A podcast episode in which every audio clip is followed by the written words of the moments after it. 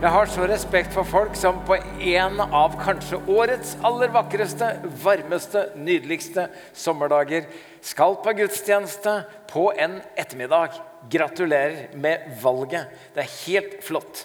Og jeg skal gi en eh, tale som jeg har gleda meg til å dele.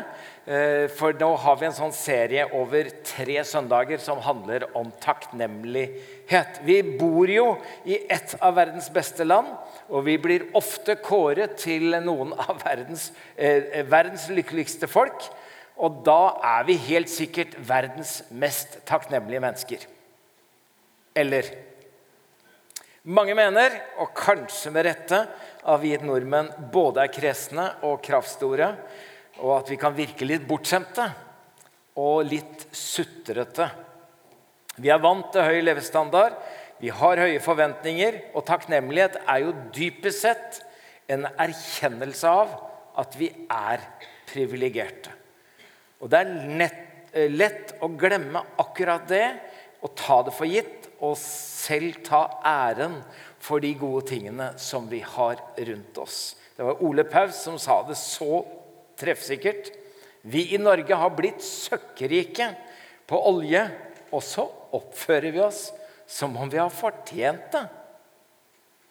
Tre søndager altså i tematikken 'Tusen takk'. Vi har delt det inn i tre. Eh, Halvard Roasnes talte forrige søndag om grunnlaget, om Gud som alle gode gavers gode giver, og at han har vist sin godhet gjennom skaperverket og gjennom frelsesverket. Grunnlaget for takknemligheten vår. Skal vi neste søndag skal Siri Øen dele om erfaringer fra dette området. Og så skal jeg prøve å fokusere på det vi kaller for praksiser. Eh, det er jo sånn at Disse tre søndagene det er jo ikke sånn tre atskilte greier. De er mer sånn. Så jeg har sittet og tenkt når jeg har hørt Halvard, når jeg har forberedt meg selv og tenker på hva Siri skal dele, så tenker jeg dette er ikke lett å skille. altså. Så hvis du opplever at det blir en overdose med takknemlighet før sommeren, så vil jeg si det har du godt av. Heller for mye enn for lite. Amen. Strålende. Det er jo noe av det aller første vi lærer oss som små. Iallfall mor og far har prøvd å lære oss det. Takk for maten, da, gutten min. Og så må du takke for gaven. Og så må du takke for hjelpen, og så må du takke for turen. Så nå ser jeg liksom i neste ledd da, Vi har bare 13 barnebarn, men jeg hører det jo når, når de er liksom Takket du for maten nå? da Husket du å takke? Ja, ja, har du takket for deg, da? Eh, så vi prøver å lære oss det, og vi prøver å lære det videre. Eh, dette med å takke.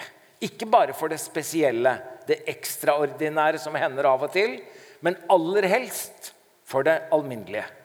Aller helst for det hverdagslige. Eh, for det er akkurat det som vi så lett tar som en selvfølge. Og så oppdager vi ikke verdien i det før vi mister det. Hvis vi ikke lærer å takke, da blir vi bortskjemte. Og bortskjemte mennesker de blir kresne, de blir kravstore. Og det er bare én ting som er verre enn utakknemlige og bortskjemte barn, og det er utakknemlige og bortskjemte voksne. For de burde vite bedre. Skal vi lese tre vers fra Kolossebrevet? Og I tre vers klarer apostelen Paulus å legge tre tydelige oppfordringer og utfordringer om å være takknemlige. Vi må gjerne lese sammen.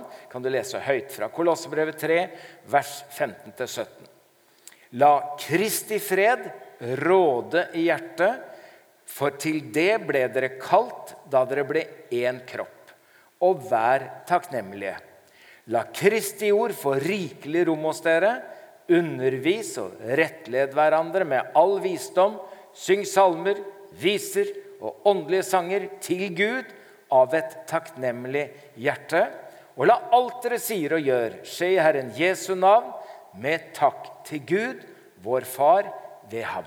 Altså vær takknemlige, syng med, eh, til Gud av et takknemlig hjerte, og be til Gud med takk. Men vi må jo på en måte høyne motivasjonen. Skal vi takke bare fordi det er høflig? Eh, er det ikke sånn at vi egentlig eh, Får vi ikke bare som fortjent? Eh, har vi ikke bare oss selv å takke? Men før jeg sier da litt om hvordan takke, så tenkte jeg å prøve å trykke enda litt mer på hvorfor i all verden skal vi holde på å takke. Det var en åtte år gammel gutt som så på dette veggbroderiet, som da er skrevet i litt sånn, litt sånn eh, gotisk stil. Og satt og prøvde, eller Han sto og prøvde å lese dette, og så sier han Hva er det det står? Står det alt med måte? Og Så må foreldrene da prøve å korrigere og si nei, det står ikke 'alt med måte'. Det står 'alt av nåde'.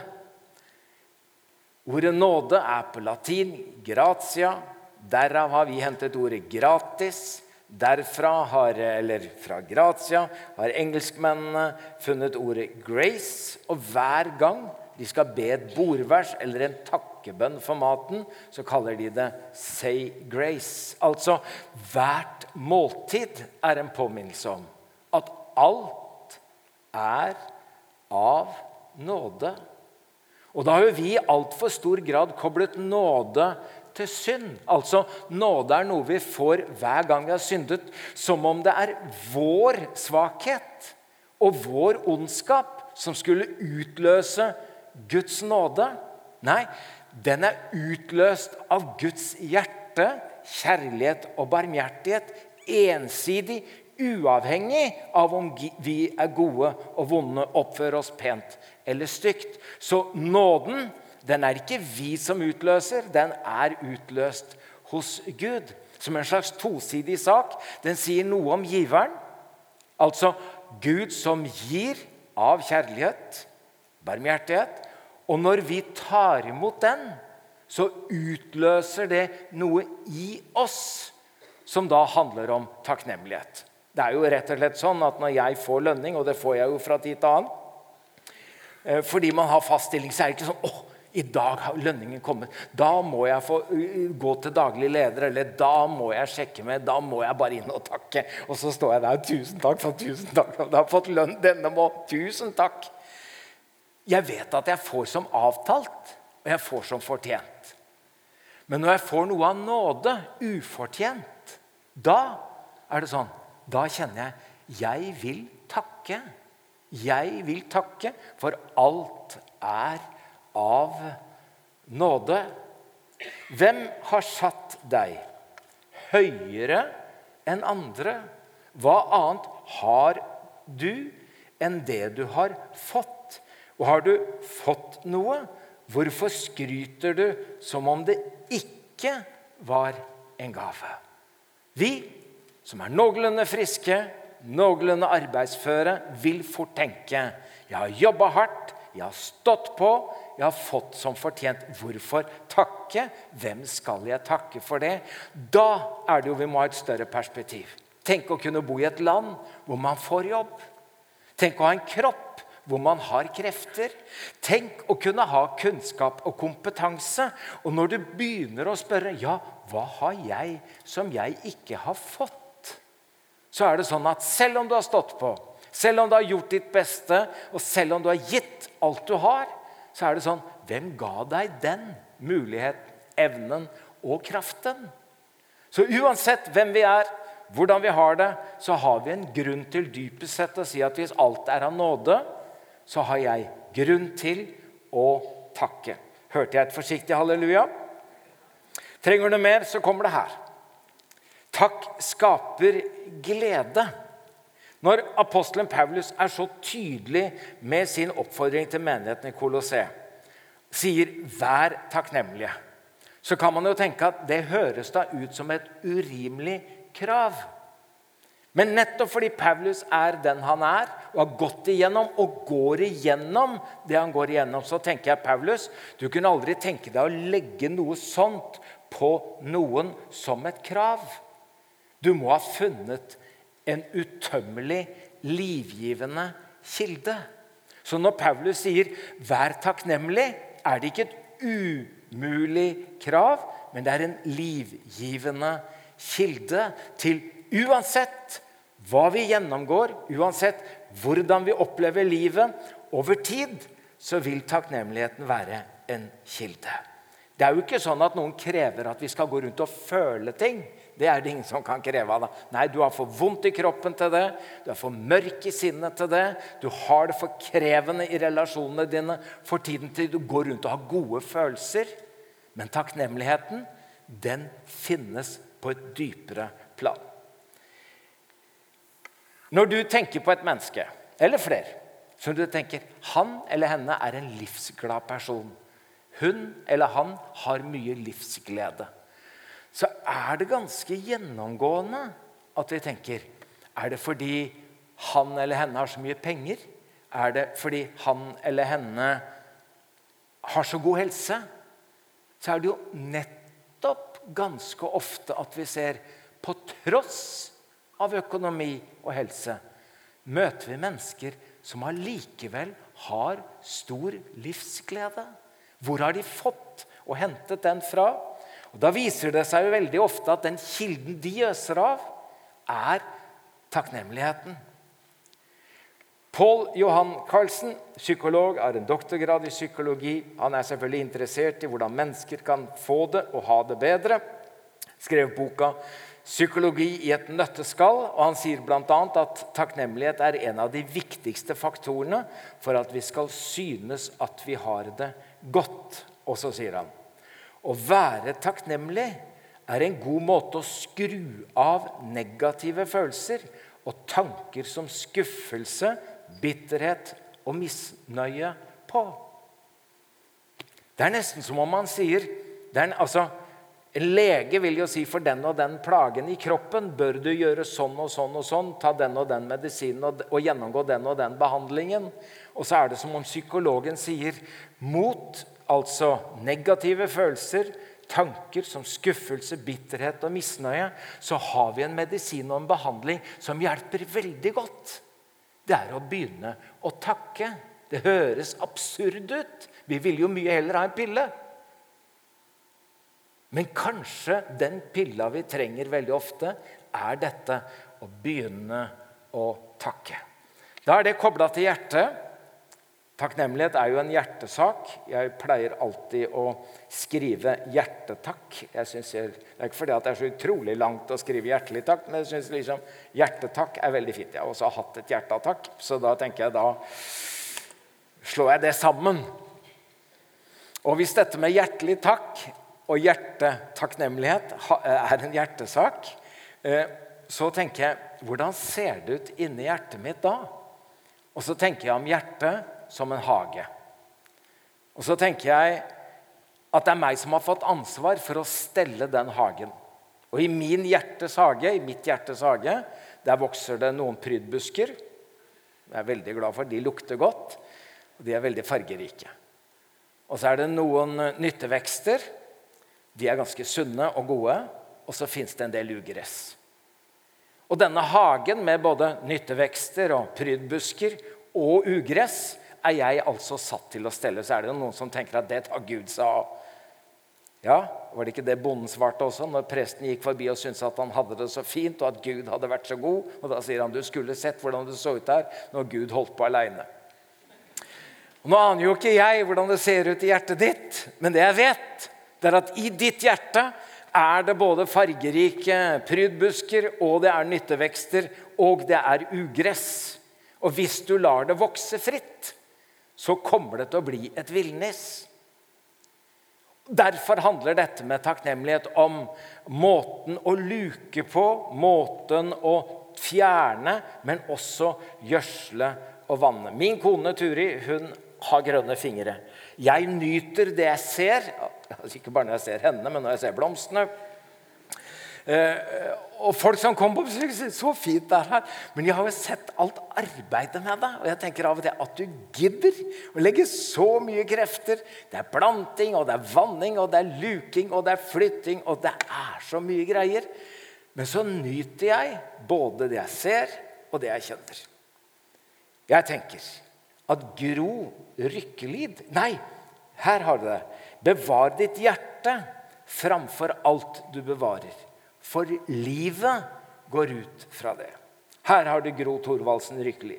Hun eh, er opptatt av dette med positiv selvdyrking. Eh, laget en lang serie med bilder eh, av hjertet som en hage.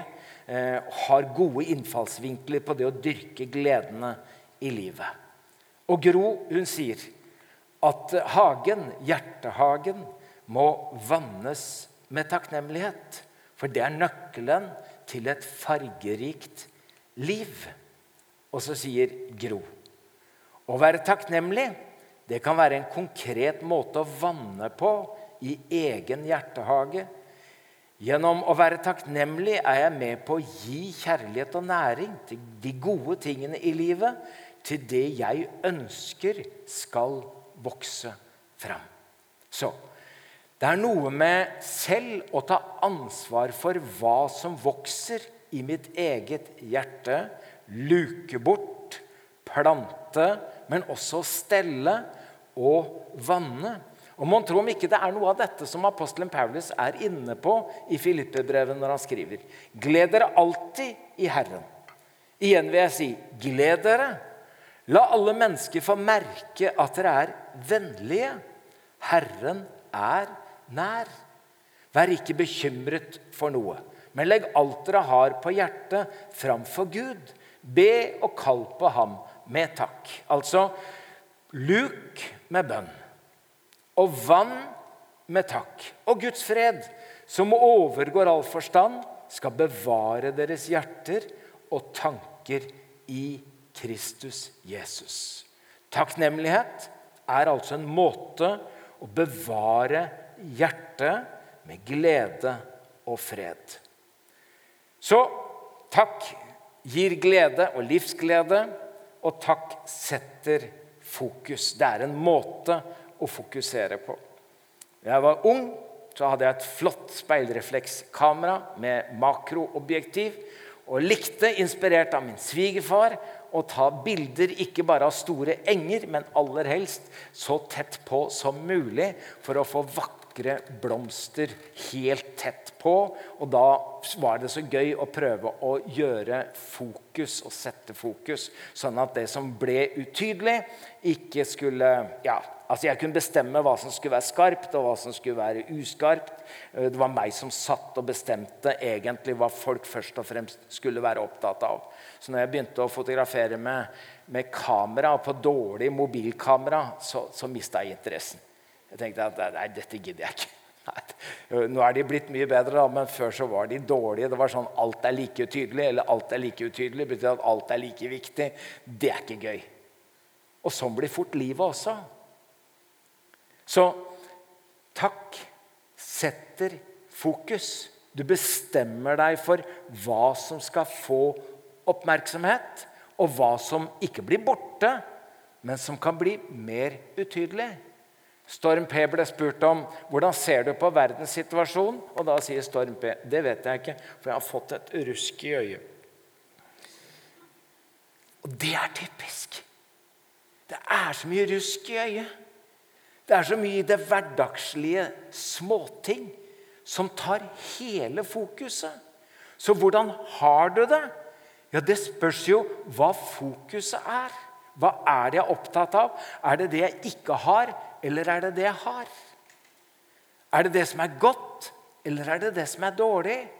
Og takk, takknemlighet, hjelper meg altså å sette riktig fokus og sette det i riktig perspektiv. Vi ble kjent med Birgit Skarstein eh, da hun var med i serien med Lars Monsen og lot oss fascinere og begeistre av alle disse som trosset utfordringer, klarte sammen å nå det store målet. Og Birgit var en av de.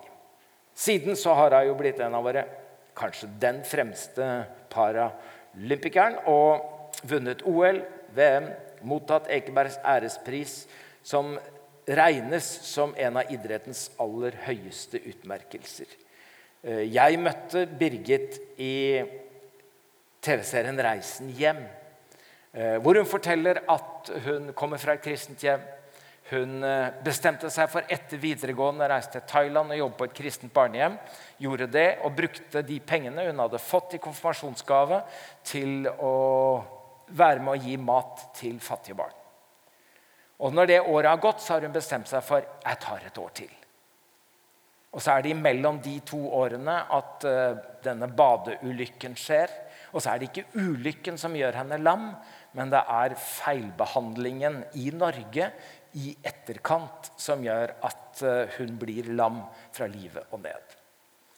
Uh, og så Når jeg snakker med Birgit da, så blir jeg berørt av mye. Og jeg tenker du har lært noe. Det var mye å håndtere. Og veldig mye å behandle og bearbeide, naturlig nok. Men det kom et slags vendepunkt for Birgit, og jeg syns vi skal høre hva hun sier. Så husker jeg bestemor var besøkt på sykehuset. Og da sa at, uh, sa at uh, Birgit, Gud vil noe med livet ditt. Og da husker jeg da tenkte at uh, kanskje noen vil noe med livet mitt, men det viktigste er at jeg vil noe med livet mitt sjøl.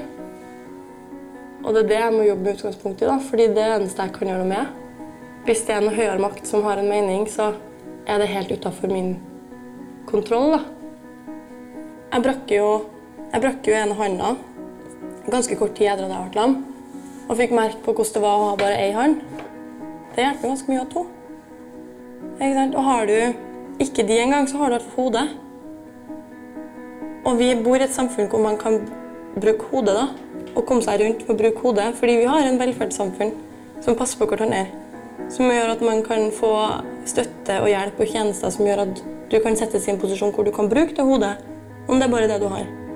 Om det er andre ting du har å bidra med, så kan du bidra med det. Altså, det er jo ikke synd på meg. Jeg bor jo i verdens beste land. Um, med en helt fantastisk natur. Med jorda og fine folk. Uh, hvor jeg kan få lov til å være med og bidra hvor jeg også får hjelp fra omgivelsene rundt meg.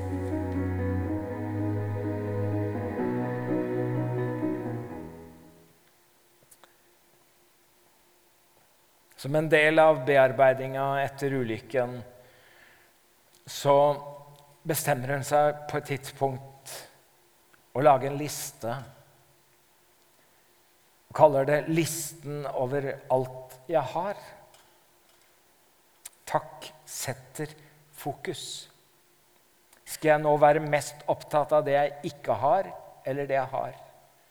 Skal jeg nå være mest opptatt av resten av livet over det jeg mistet, eller over det jeg har og fortsatt har? Så lager hun denne listen og skriver Jeg er heldig som har to friske øyne, ti hele fingre Velfungerende hørsel, to sterke armer, god luktesans og smak, taleevne, både fysiske og psykiske følelsesinntrykk, god psykisk helse, klar tankegang, sterk overkropp, vilje osv. Så, videre. så lager hun en liste over det hun har, for å sette fokus på hva hun takker for. Fordi takknemlige Det er jo ikke sånn at de alltid har mest, men de har det alltid best. Det er ikke sånn at de alltid har mest, men de har det alltid best. Og Da tenker noen at det er jo rein fortrengning. Det er skummelt. Men Bibelen har altså 150 salmer. Av de 150 salmene er det 68 salmer som regnes som klagesalmer. Så selvfølgelig er det rom for sinne, det er rom for skuffelse, det er rom for klage, det er rom for anklage, det er rom for alt det som vi kan oppleve som naturlige reaksjoner i livet vårt. Gi uttrykk for det, bruke det til å bearbeide det som har hendt i livet vårt. Men hvis vi blir værende i det, sånn at det blir livet vårt, så blir det et hjerte som bare har ugress. Så på et tidspunkt så er det det å flytte fokus, få tid, få hjelp, få hjelp av andre, få hjelp oss selv og hjelpe til å bare si Listen over alt jeg har, finnes det noe å takke for? Når apostelen Paulus skriver 'vær alltid glade', be stadig, så tenker jeg Paulus, dette er provoserende. Hadde du skrevet dette fra en terrasse oppe i Holmenkollen, så tror jeg at det hadde blitt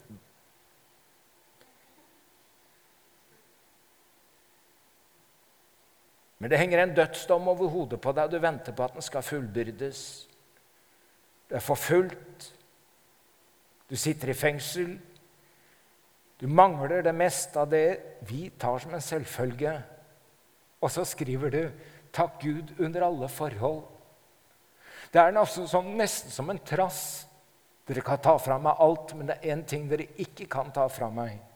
Det er gleden i Gud og takknemligheten for at Gud er en god Gud, og at Jesus Kristus er min Herre og Frelser.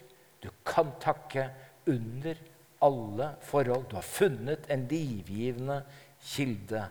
Paulus. Så takk. Det gir livsglede. Takk. Det eh, Takk gir livsglede, og takk Hva var det jeg Og takk setter fokus. Og så til slutt i denne greia takk former livet. Vi hørte Vetle som sa noe om det, om eh, vaner og praksiser. Og Vi sier jo som et ordspråk at gammel vane er vond å vende. Og det gjelder vonde vaner eller uvaner, og så gjelder det også gode vaner. Det er vanene som holder. Vi formes av det vi gjør over tid. Noen sier vi trenger ikke gode motiver for å gjøre gode handlinger, men gode handlinger fører til gode motiver. Vi tenker oss ikke fram til en ny måte å leve på, men vi lever oss fram til en ny måte å tenke på. Vi takker ikke fordi vi er takknemlige, men vi takker fordi vi har noe å takke for, og det kan føre til at vi også føler takknemlighet over tid. Men det er ikke følelsene som driver oss. For takk former livet. Og Da handler det om vaner, og da kommer vi inn på dette med hvordan takke.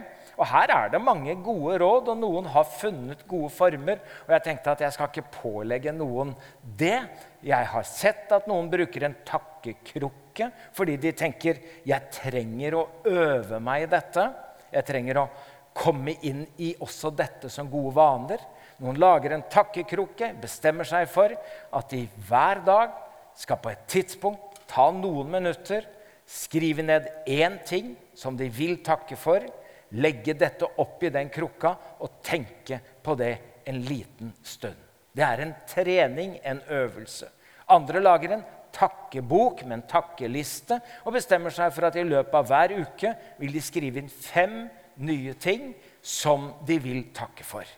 Og noen har bestemt seg for vaner knytta til morgen, knytta til kveld, knytta til måltider, sånn at man får det inn i de faste rutinene.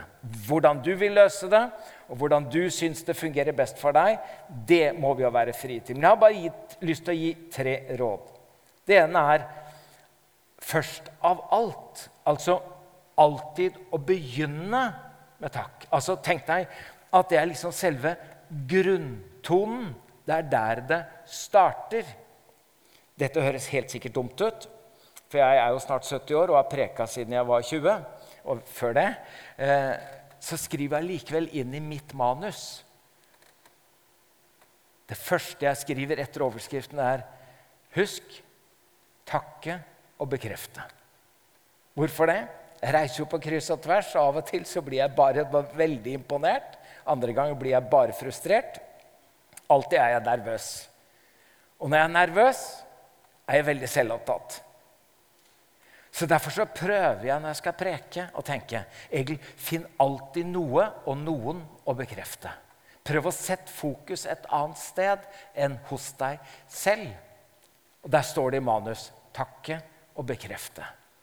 Det er kanskje derfor vi sender en SMS eller skriver først i mailen 'tusen takk' eller 'takk for det' og 'takk for det'. At vi som regel begynner der. Og jeg ser at Paulus han gjør det i alle sine brev. Som han har så mye på hjertet. Han har så mye han skal si, og det er så mye han skal korrigere. Men aller først, sier han, først av alt takker jeg min Gud ved Jesus Kristus for dere alle. Altså, det der å møte veiledningen og korrigeringen av en som takker Gud for deg, det er stor forskjell. Av og til så er jeg i en diskusjon, og hvis den de diskuterer med, blir så oppgitt at vedkommende til slutt sier 'Jeg skal be for deg', Og tenker 'Ja, takk skal du ha'. Lurer på hva du vil nevne, liksom. Men hvis noen sier til deg 'Jeg takker Gud for deg', da vet du at et menneske som takker Gud for deg, kanskje har noe som ønsker å si, som du vil høre på. Vi takker alltid Gud, sier han i Kolossebrevet, vår Herre Jesu Kristi Far, når vi ber for dere. Altså, begynn med takk. La det være grunntonen i det du gjør, sånn at det setter preg på alt sammen. Hva er det salmisten sier i Salme 100? Gå gjennom hans porter med takkesang, inn i hans tempelgård med lovsang. Lov ham og pris hans navn. Det er jo derfor vi alltid begynner på gudstjenestene i Philadelphia sikkert de aller fleste andre steder med en takkesang eller en lovsang, en lovprisning, tilbedelse. Det er rett og slett for det å komme inn i et rom som dette på en gudstjeneste, så trenger jeg å gå inn i et rom hvor jeg ikke er publikum. Jeg trenger å gå inn i et rom hvor jeg ikke er hovedperson. Jeg trenger å gå inn i et rom hvor jeg ikke lurer på leverer de, serverer de. Men jeg ønsker å sette fokus. Alltid først å gå gjennom hans porter, og så sier jeg til Gud Jeg har ganske mye på hjertet i dag, men aller først så vil jeg takke deg. Gå gjennom hans porter med takkesang. Og så takk i handling. Du vet at vi kan si noen ord, vi kan skrive noen ord, vi kan synge noen ord, og vi kan holde en takketale, men det handler allikevel om ord. Og Derfor så handler det om at takknemlighet også må finne andre uttrykk. Og takknemlighet kan uttrykkes i handling, som en takknemlighetshandling. Har du lagt merke til at når Israel gir eh, førstegrøden, så er det som regel knyttet altså Høytiden i Israel er knyttet til jordbruket, landbruket og syklusen der. Rett og slett fordi at når korn er modent, så skal det være høytid. Og det man da gjør, det er å ta med seg førstegrøden til tempelet. Og hvis man tenker da at takk ikke bare er ord, men takk er handling, så kommer det inn i hele livet. Så sier at 'jeg takker' ved å gi tilbake, eller uttrykke gjennom førstegrøde, at alle gode gaver kommer fra Gud. Og det er to kamper som vi alle kjemper. Det er hvordan vi skal bruke tiden vår, og hvordan vi skal bruke de ressursene som vi forvalter. Forvalte tid og forvalte penger. Og Den utfordringen ligger hva gjør jeg på en hellig dag? Hvordan feirer jeg hellige høytider?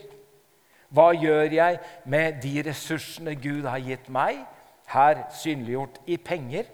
Og det er her jeg tenker takknemlighetshandling.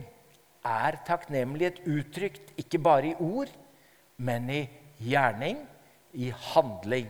Så takknemlighet det handler om å gjøre det først, og så gjør vi det i ikke bare i ord, men også i gjerning. Gi Herren ære med alt det du eier, med førstegrøden av hele din avling. Og til slutt er det et ord som jeg ikke har brukt mye. Takkoffer. Jeg har hørt det, og vi har sikkert også brukt det i en sånn sammenheng når vi skal liksom ha en spesiell offeraksjon. Nå skal vi ha et høstoffer, nå skal vi ha et våroffer, nå skal vi gi et takkoffer. Eh, israelerne, jødene, Guds folk, de ga jo takkoffer ved å ofre f.eks. et dyr. Da brant de innvollene sånn at det kom duft av brente innvoller. Og så spiste de kjøttet. Men det var også et takkoffer. Så har jeg tenkt det der er ikke veldig lett for oss å gjøre her i Oslo. Nei. Men kanskje vi ikke skal gi noe annet eller noen andre. Kanskje vi rett og slett skal si 'Jeg vil være' og jeg vil leve som et takkoffer til Han som ofret alt for meg. Sånn at det ikke bare handler om hva jeg sier, ikke bare om hva jeg synger, ikke om bare hva jeg gir, ikke bare om hva jeg gjør, men hvem jeg er. At mitt liv skal få lov å være et takkoffer til Gud. Ved Guds barmhjertighet formaner jeg dere. brødre, til å bære legemet fram som et levende og hellig offer som er til Guds behag. Det skal være deres åndelige gudstjeneste. Tenk på det. Takke først i handling og gjøre livet til et takkoffer. Eh, vær så god. Skal vi reise oss?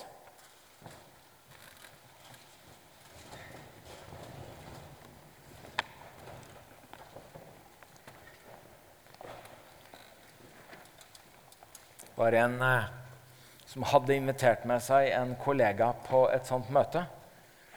Og så er det jo sånn at hvis du aldri har vært på sånn møte før, så kan du være litt nervøs. Redd for å få alles oppmerksomhet, og det kan gå alle veier, liksom. Og så sier plutselig møtelederen i, på et tidspunkt i møtet eh, Nå skal vi ta opp offeret. Og så begynte teamet å synge 'Blod og ild'. Og da tenkte han det er nå det skjer. Det er nå det skjer. Det er meg. Eh, ikke vær redd. Eh, selv om vi Og vi har ikke alterring heller her. Eh, så kunne vi jo bedt deg fram til den. Men allikevel så er det nå vi skal ta opp offeret. Det er så deilig å preke om dette uten å skulle ha noen på dugnad. Det er så deilig å preke om dette uten å si at nå skal vi ta penger. Men nå skal vi gi en offerhandling. Hvor vi rett og slett spør kan livet mitt være et takkoffer. Ikke bare hva jeg sier, ikke bare hva jeg gir, ikke bare hva jeg gjør, men hva jeg er. At jeg ønsker, Herre, at mitt liv skal være et stort takk. For hvem du er, hva du har gjort for meg. Du har nå hørt en podkast fra Filadelfia-kirken i Oslo. Vil du vite mer om oss, gå inn på filadelfia.no. Og ikke minst velkommen til å feire gudstjenester med oss hver eneste søndag, enten fysisk eller online.